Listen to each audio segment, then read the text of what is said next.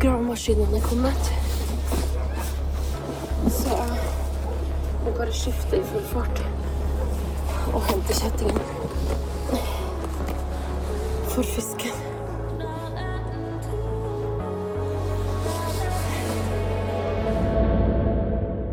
Aktivisme og sivil ulydighet står sentralt under årets Human dokumentarfilmfestival. Blant annet er det premiere på Anne Marte Blindheims film om aktivisten Ella Marie Hetta Isaksen og Thomas Østbys film Sivil ulydighet om kampen for å stanse norske CO2-utslipp. Samtidig er Olav Vågen aktuell som bidragsyter på NRK-filmen Omsorg bak lukkede dører, der han nok en gang har jobbet ved bruk av skjulte opptak. Jeg er så heldig å ha alle tre hos meg i dag, Anne Marte, Thomas og Ola. Velkommen til Filmsamtalen. Takk. Takk. Ja, I vinter har det altså toppet seg med norske dokumentarprosjekter som berører aktivisme i en eller annen form. I tillegg til prosjektene dere er involvert i, har det vært premiere på spillefilmen om Alta-aksjonen. Men det kan være forskjell på å skildre aktivisme og selv innta en mer aktiv holdning til det som skildres. Det skal vi komme nærmere inn på. Men først Anne Marte. Roshan, Ellas opprør, uttalte jeg det riktig? Nesten. Rajan. Rajan, unnskyld. Du er tilgitt. Ja, det er en film som ikke kunne vært bedre timet. Den kommer idet klimaopprøret sprer seg på flere fronter, og har toppet seg nå nylig med demonstrasjoner mot vindkraftverk på Fosen. Nå er det ikke de aksjonene du skildrer i filmen, selv om hovedpersonen er involvert også der, faktisk. Kan du si litt om hvordan du ble involvert i dette prosjektet, og, og hvorfor du ville lage denne filmen? Ja, um, egentlig så, uh, så, har jeg vært interessert i de gruvesakene i Norge en god stund. Det begynte vel da jeg var journalist i Dagbladet. Vi har jo noen litt omstridte gruvesaker i Norge som handler om fjorddeponi. Der man skal ta ut mineral fra fjellene i Førde, Førde og i Repparfjord. Eh, og så da eh, ta ut 2 av det, og så hive resten i fjorden, da. Eh, og det er jo konfliktfylte greier, og, og ofte litt sånn underdekka òg. Og så var jeg vel på et tidspunkt der jeg hadde gjort mye krim og litt andre ting, og hadde kanskje litt lyst tilbake til å gjøre et eller annet på, på temaet miljø, da. Og så syns jeg at det, eh, akkurat den Repparfjord-saken, der har jeg sett veldig lite journalistikk. Jeg syns det var underdekka. Eh, det var få som dro dit, og så hva det handla om. Eh, og så tenker man også, tenkte jeg kanskje jeg skulle lagd en dokumentar. Eh, og da må man jo gjerne ha en person som kan som står oppi det, og som føler det litt på kroppen, og som kan målbære hva dette handler om. Og så så jeg da Ella Marie, som da var kjent som vinner av Stjernekamp, som sto på toppen av eh, VG, dette var i 2019, og var så klar og sterk. Og jeg tenkte her må jeg bare legge inn en forespørsel og høre om hun kunne tenke seg å bli fulgt eh, gjennom dette her. Og da er jo denne her spesielle tilleggsfaktoren, da, som er samiske, den samiske kampen for de samiske rettighetene. Som jeg da kjente på at dette kan jeg ingenting om. Dette har jo min generasjon, min generasjon lært null og niks om. Eh, og tenkte at ok, da er det en veldig god anledning til å gå inn og så utforske litt av hva som er Ella sin både personlige, politiske og historiske motivasjon for å kjempe denne kampen her, da. Og så lurte jeg jo veldig på hvordan det skulle gå. For det var en sånn, en sånn skikkelig David mot Goliat-historie. Eh, der eh, ja, gruveselskapet hadde jo både pengene og politikerne på sin side. Så jeg syns det var veldig modig å, å, skulle ta opp den kampen, og jeg syns det var spennende, da. Og så sånn timingmessig så passer det jo bra nå, eh, og det tror jeg handler om at hvis man Jeg tror kanskje man får litt hjelp hvis man har nyhetsbakgrunn, da eller hvis man bare er, liksom, følger med på det som skjer, så vil man klare å identifisere hvilke saker som akkurat nå står eh, der, at det kan være interessant å finne en prosess å følge. Da. Ja, altså eh, Aktivistenes uh, aksjoner lykkes jo i denne filmen. Det er jo en av de sjeldne hva skal vi si, solskinnshistoriene. Uh, mens din film, altså Thomas, uh, hvor du skildrer sivil ulydighet, der er det jo en mer dyster stemning, i den forstand at uh, man kjemper mot en overmakt som ser ut til å vinne uh, stort sett uh, hele tiden. altså Filmen er en oppfølger til 'Enhver har rett til', som handlet om klimaspørsmålet mot det norske Søksmålet. Søksmålet, unnskyld, mot den norske staten. Og Det skapte jo en viss oppstandelse da du ble satt på glattcelle fordi du var til stede og filmet eh, en sivil ulydighetsaksjon med Extinction Rebellion i Norge, blant annet. Men det er så vidt jeg kan se i den ferdige filmen, altså det er ikke med der. Eh, du har ikke på en måte dratt en sånn selvrefleksiv eh, innfallsvinkel på, på filmen din? Nei, det er med, men det er vel kanskje ikke fremmet i filmen. Nei. Fordi det er ikke det jeg lager film om. Nei. Men uh, min inngang i det her er vel at jeg har um, jobba med urettferdighet, uh, for å si det veldig enkelt, mm. tidligere dokumentarer. Og inngangen til å lage om klimasøksmålet og sivil ulydighet som metode, er egentlig om, om det å gå til retten som en metode i klimakampen, og det å bryte med rettsstaten eh, til dels, um, er fordi jeg jeg personlig syns det er forferdelig å leve i et samfunn som har en praksis som, som truer seg selv. Sånn sett så kommer jeg nesten fra form, et ønske om å være aktivist, altså påvirke samfunnet vårt i en bedre retning uten å måtte bli politiker. Sivil ulydighet ligger litt nærmere meg personlig, hva jeg kunne ha tendens til å ty til i klimakamp, og jeg støtter jo klimasøksmål og det å gå til retten, men det ligger nok fjernere fra meg, så det var lettere å lage om klimasøksmålet, egentlig. Fordi som metode som dokumentarist så trenger jeg en viss avstand da, til det jeg portretterer eller uh, undersøker. Mm.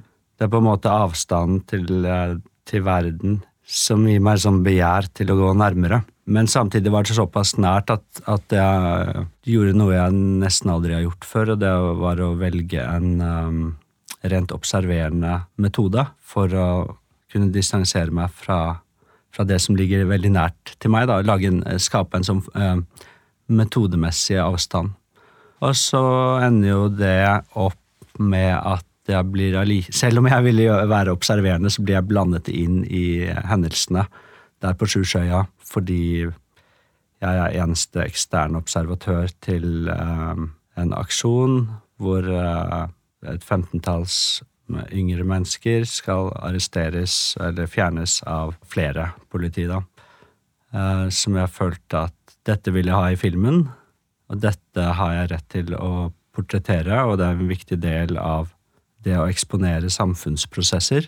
Men så var det også rent um, som borger da, at jeg ønsket å, at det skulle være noen eksterne observatører mm. til den situasjonen. Altså, det handlet jo da om å mindre om å lage film, egentlig.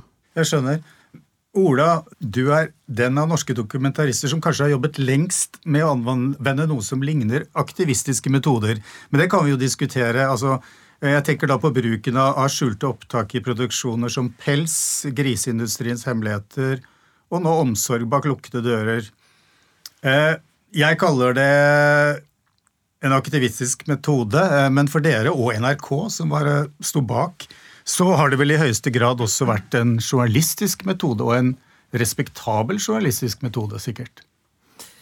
Ja, jeg tenker jo at eh, det kanskje først og fremst er en journalistisk metode, egentlig. Mm. Selv om noen av de som har blitt portrettert her, ikke har en journalistbakgrunn. da. Så for at, altså hvis du ser og, og jeg vet jo at NRK ville protestert øh, om jeg kalte det aktivistisk. Det er jo helt klart. Ja. Eller, men, men det, det, er jo, det, er jo, en øh, Jeg tror altså, Historisk sett så er jo valraffing har jo en lang tradisjon i, i, journalistikken. og sånne ting. Det er jo ikke noe som er fremmed for journalistikken, det her å bruke undercover eller skjult identitet. Det er bare høye eller det er begrensninger på, på hvilke situasjoner man, man syns det er akseptabelt å gjøre det. Mm. Uh, og, men det som kanskje gjør at det oppleves mer aktivistisk her, er jo at de personene, sånn som i Pels da, eller Griseindustriens hemmeligheter, som gjør det her, er jo privatpersoner eh, og ikke folk som er ansatt i eh, et mediehus, og da blir det jo lettere å stemple de som som aktivister, kanskje, men jeg mener i bunn og grunn så er den jobben de gjør, er jo eh, det samme som eh, en journalist gjør, altså gå inn og avdekke forhold som holdes skjult for samfunnet på en eller annen måte. Mm. Altså, Dere er, eh, du nevnte Thomas, altså observatører i filmene. Men dere er noe mer. Eh, dere er sympatisk innstilt. Dere deler langt på vei mange av de synspunktene som fremmes, i hvert fall i filmen din, Thomas og, og Anne Marte. Altså, er det riktig å si at filmene deres er politiske motiverte innlegg? Eh, så, så, så langt av det du har sagt, Thomas, så er det definitivt politisk motivert og veldig personlig motivert.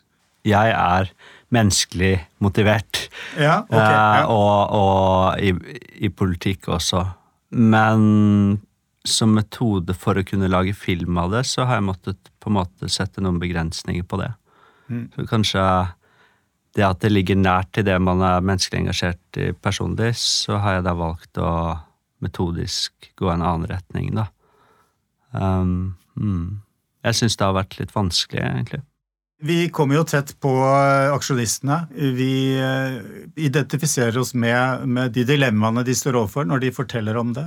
Så, så, du er jo Altså, empatien er der i hvert fall. Ja, det må man ha som dokumentarist. Ja, ja. menneske. Men du vil ikke si at, eh, at det er et politisk innlegg? Altså, det Problemet som jeg ser det, er at vi står i en veldig vanskelig situasjon globalt og, og som samfunn. Mm. Som folk har feilet på i 40 år å gjøre noe med. Så jeg er motivert av å studere forskjellige metoder som kan bidra til å um, dra oss i en bedre retning. Og det motiverer meg å, å, å studere de metodene. Og så er jeg helt enig i målene til klimasøksmålet og de aktivistene som jeg portretterer. Så jeg, jo, jeg ønsker at de skal vinne personlig. Men filmprosjektet blir jo å gi et innblikk eller uh, avdekke noe ved de metodene, da, og Mm. hvordan det foregår. Så jeg trenger et sånn tilleggsprosjekt, for ellers kunne jeg gjort jeg, jeg har ønsket å heller være aktivist, eller heller handle aktivt og direkte politisk enn å skape bilder av det. Men når jeg skaper bilder av det, så har jeg et tilleggsprosjekt, da. Mm. Um, og det er jo som dokumentarisme, sånn jeg ser det, er å avdekke noe ved verden, da. Og ikke avdekke sannheten eller uh, den virkeligheten, eller altså Det er altså å bruke film som et verktøy til å angripe et lag ved verden. Ja. Hva med deg, Anne Marte? Altså, har, det er jo en veldig kjent person som er hovedrollen eh, i, i, filmen din, og, og, har en veldig klar agenda. Og det er en veldig sympatisk eh, hovedperson, eh, som vi kan forstå utmerket godt. Er, noen vil jo si at det nærmest er en det er nesten en glamorøs eh, hovedperson som gjør eh, aktivisme attraktivt. Eh, har det, har det vært et mål å framstille det på den måten? Nei, altså sånn som jeg har tenkt på dette her, så er jo ø, jobben på en måte å løfte fram et ø, perspektiv og noen stemmer som jeg syns har vært underfortalt. Mm. Uh, og, um, og, så må man jo ta noen valg, da. Og det er jo en ganske sånn klassisk journalistisk øvelse, egentlig, å ta underdogens perspektiv. altså de som på en måte føler at de står opp mot overmakta. Eh, og det var jo da eh, disse Natur og Ungdom og eh, den samiske kampen sin posisjon her, da. Mm. Og så, så da så, så, jeg tar jo det valget, og det er jo fordi jeg er jo enig i at dette her på en måte fortjener å komme frem i lyset, og at de har et budskap som burde komme frem, da. For det her hadde jo egentlig uh, I starten av filmen så, så går de på et skikkelig nederlag. De taper jo saken politisk. Og så er de nødt til å prøve å, komme seg gjennom det likevel, da. Men det som jeg, jeg syns er veldig viktig, da, det er at eh, selv om man, eh, man, velger en vinkling Det må man jo gjøre som journalist også. I alle saker man skriver, så velger man en vinkling, og så forteller man det derfra. Men det skal jo likevel være fair, på en måte. Det skal være, altså Faktaene skal jo være riktige. Eh, og så syns jeg også det var viktig å få motargumentene med. da. Så det var viktig for meg å få, uh, få gruvesjefen med på denne dokumentaren her. Men prøve også å få det til på en litt sånn eh, forsøksvis elegant måte, da, slik at det, det, det er ikke et sitt ned-intervju med han. Men jeg ønsker da å få til en situasjon der disse partene kunne møtes, da. Mm. Eh, og så skjer jo det. Så så sånn sett så tenker jeg at det, ja, man velger en vinkling, man velger et perspektiv som man syns er viktig, men eh, hvis man skal kalle seg journalist, så må man på en eller annen måte prøve å få sagt at her finnes det flere sider. eh, og folk som mener andre ting, da. Så ja, slik var det jeg løste det. Mm. Ja, Ola, i Pels og, og griseindustriens hemmeligheter så, så, brukte da NRK og du metoder som noen mente brøt med den såkalte objektive, objektive rollen, da, hva, hva nå enn det er. Er det fortsatt slik at man må ha en tung aktør som NRK i ryggen for å, å bruke den type metoder overfor store næringsaktører? Jeg tror ikke kanskje man må det, men, men det er jo eh, Det blir jo kanskje en mer fair kamp, da, på en eller annen måte. Altså, eller, mm. det, det, er jo veldig ressurskrevende sånn juridisk, og de vurderingene man må gjøre da, for presseetikk og juss og alt det der, og, og da ha å kunne samarbeide med noen aktører som har lang erfaring med det og har masse ressurser og kompetanse der og kan eh, ja, stå, stå sterkt i, i, i, de kampene der, det, det er klart det, det, er en stor fordel når man skal ut ja, og kjempe med tyngre aktører. Men nå er det jo en god del år siden pels kom. Mm. Uh, altså det er jo ikke mange som har jobbet på denne måten etter det, selv om det ble oppfattet den gangen som en ganske banebrytende produksjon eh, fordi eh, man gikk eh, Altså, man avkledde en, en tung næringsaktør med virkemidler som man ikke hadde sett, knapt nok hadde sett på NRK før. Men har, har denne typen metoder egentlig blitt noe mer utbredt siden den gangen? Altså er, det er vel kanskje ti år siden nå? Eh, ja, den kom i 2014, så snart, snart ti år. Ja. Eh, ni år. Eh, nei, jeg vet, jeg vet, ikke om jeg vil si at det er blitt så mye mer utbredt, men, men, kanskje litt. Jeg tenker at jeg føler at det var en metode som nesten var litt sånn glemt i journalistikken når vi gjorde det, og det var Sånn valraffing? Ja, ja. ja, men i, i, norsk journalistikk så var det i hvert fall ikke mye brukt og uh, veldig betent, og det var jo en veldig vanskelig vanskelig kamp å få med NRK på det her òg. Det var mange vurderinger og, og mm. Tunge avgjørelser skal tas i en sånn prosess for at det der skal kunne komme på lufta. Men, eh, men altså, det er jo ikke veldig utbredt i dag heller. Det er jo liksom eh, det er ikke engang en håndfull prosjekter som jeg kan peke på som, som har brukt sånne metoder i, i den perioden. da. Mm. Thomas, eh, du ble jo havnet jo i glattcelle fordi du ble ja, var, Du kan jo forklare det selv hvorfor, hvorfor det skjedde, men, men altså Hadde du vært tilknyttet NRK, så hadde du vel sannsynligvis ikke havnet på Glattfjellet. Eller, eller, hvordan er det her, tror du? Altså, du var jo en, en slags fri aktør, en frilanser, som politiet kanskje oppfattet som en del av, av aktivistgruppa, eller, eller, i hvert fall altså, Hadde du sagt at du var for NRK, så hadde de aldri i livet satt deg på glattcelle? Det tror jeg du har rett i. Ja. Um, jeg ble jo satt på glattcelle fordi at det sto på min rett til å være observatør og filme, fordi det er, er, er lov i sånne situasjoner. Jeg er jo da uavhengig filmskaper da, utenfor uh, store institusjoner, og det hadde nok vært annerledes hvis jeg kom fra en stor institusjon. Mm. Men jeg tror ikke at de oppfattet meg som aktivist, fordi jeg hadde tre til dels lengre samtaler med dem om det før jeg ble arrestert, da, mm. og tydeliggjorde det. Men jeg tror jo at kanskje relevansen Det er ikke så, liksom, det er ikke så veldig alvorlig å havne på glattcelle i Norge. Jeg fikk hente barn i barnehage, slapp ut tidlig. Men uh, det som kanskje er mer alvorlig, er at uh, den kampen aktivister gjør, er ofte mot uh, en overmakt og klimakampen i Norge er eh, ganske spak i forhold til eh, de kapitalinteressene som ligger i klimaskadelig virksomhet. Da. Og da er media en veldig viktig eh, brikke i dette. Og mm, politiet er jo ikke en motstander av aktivister, men om det er en motpart, da, så spiller mediebildet som utspiller seg av aktivisme, er, er veldig viktig både for aktivistene og for motparten. Mm. Og da foregår det et, en, eh, et mediaspill eh, under aktivisme. Og det var veldig tydelig under disse aksjonene, fordi Det var uh, superhyggelig stemning og Jeg syns det nesten virket sånn nesten ikke, ja, fremmedgjørende sivilisert. Ja. Ja, man forventer konfrontasjon. ja. Du forventer liksom 80-90-tallet. Ja, kanskje. Nå gjelder jo ikke dette for alle grupper i samfunnet, at Nei eh, de blir behandlet så pent, da. Men eh, ja, så, så, sånn som jeg så prosessen, så var det eh, nesten et sirkus eh, første dag, eh, som var utrolig eh, sivilisert, som du sier, eller eh, også imøtekommende og jovialt. Um, og så på kvelden så så jeg noen videoer, noen korte klipp fra noen telefoner som aktivister har tatt, når jeg ikke var der, som var mindre sivilisert, da. Mm. Og hvor det ikke var noe presse til stede.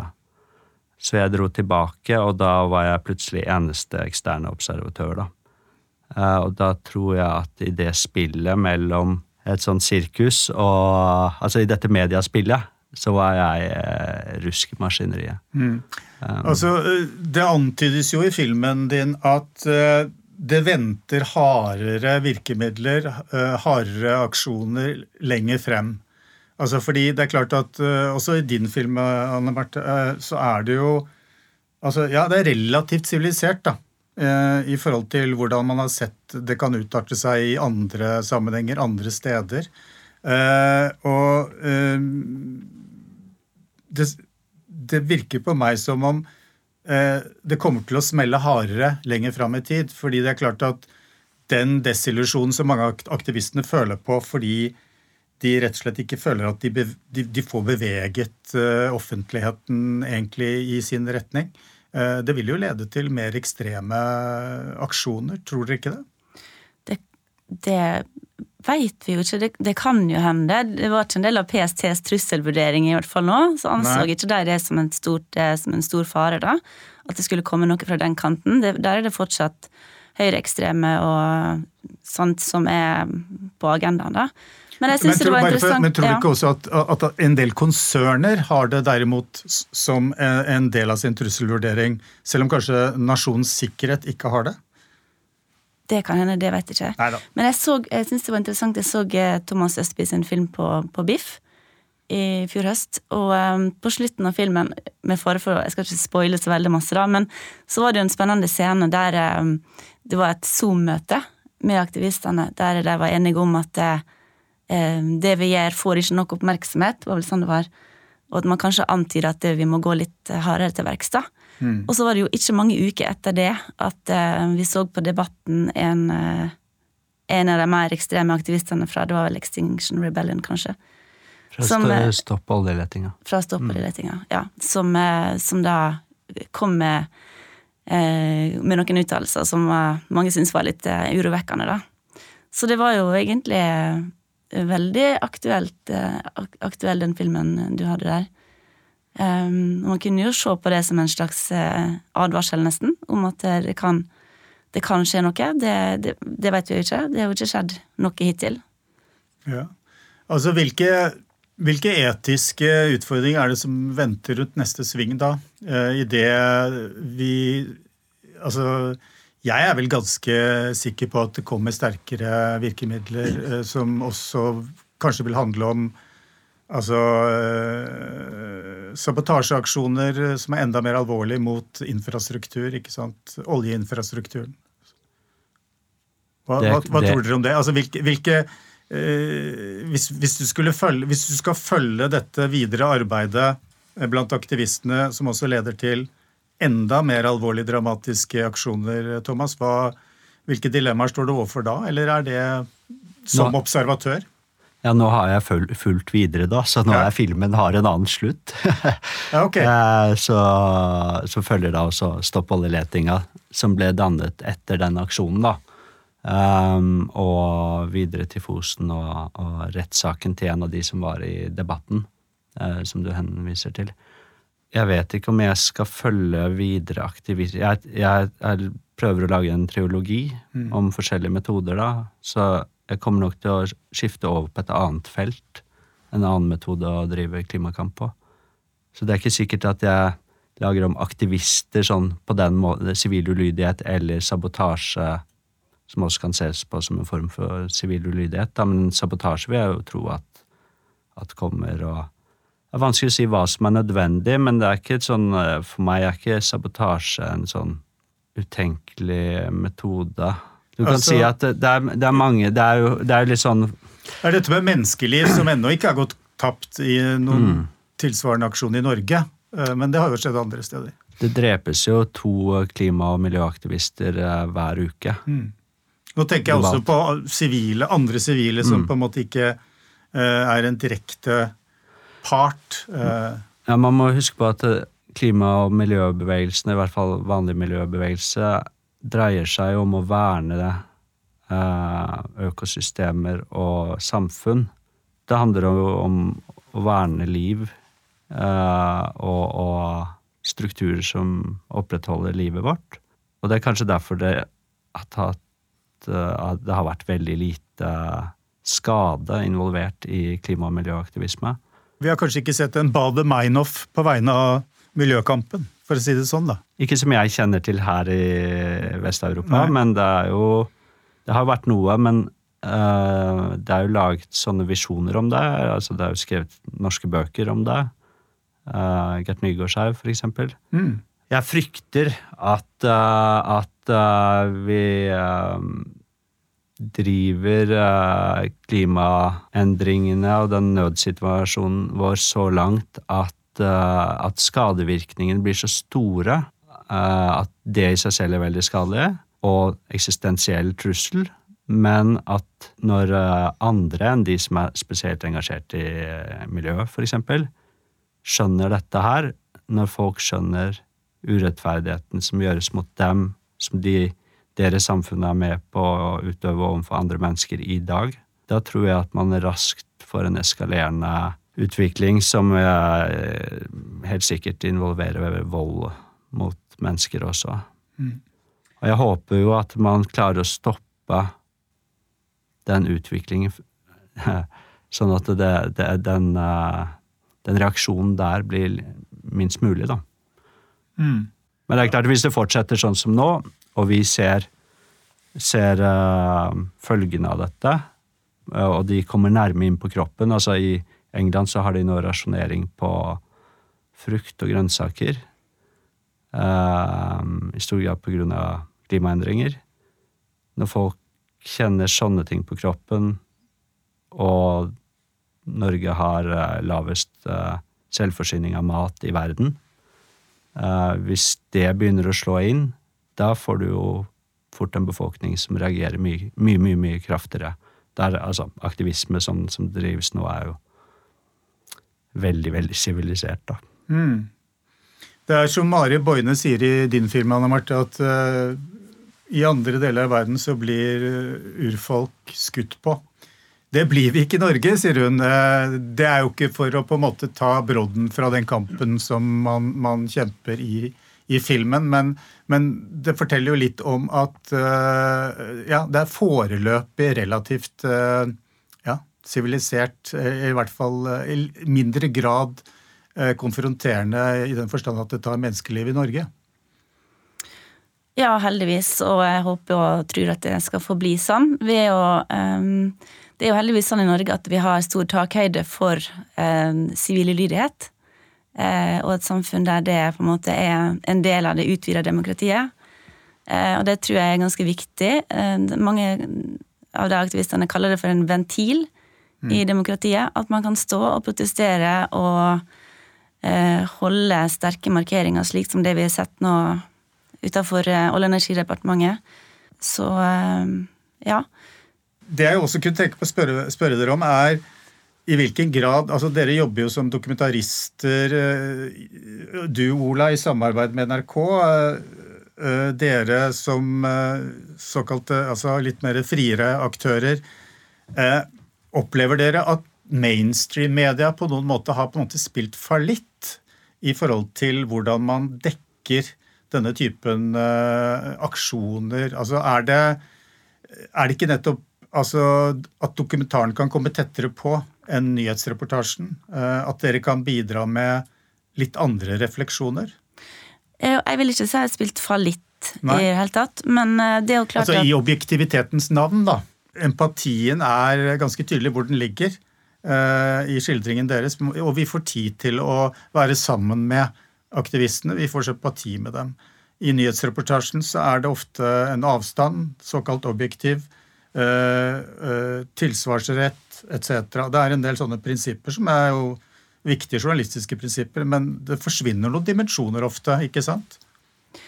vi får jo en helt annen anledning til å gå i dybden på det, og, og følge folk over lang, lang tid. Eh, veldig tett på, og gjennom prosesser. Vi kan eh, kanskje i større grad eh, få anledning til å reise langt, langt vekk.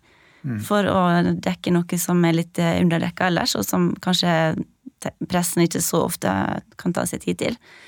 Men så er det viktig å si at jeg eh, støtter jo de journalistiske prinsippene 100 Eh, Og man får jo til alt det her innenfor de prinsippene, som egentlig gir enormt stor frihet til både å, å følge folk, lage portrett, til å bruke metoder som, som det Ola har gjort, og til å observere på den måten som, som Thomas gjør. Så eh, jeg ser ikke på det som noe sånt problem i det hele tatt. Jeg ser det på som en, som en stor eh, tilleggsstyrke, at vi kan eh, være ja, enda tettere på, gå mer i dybden og eh, få tid.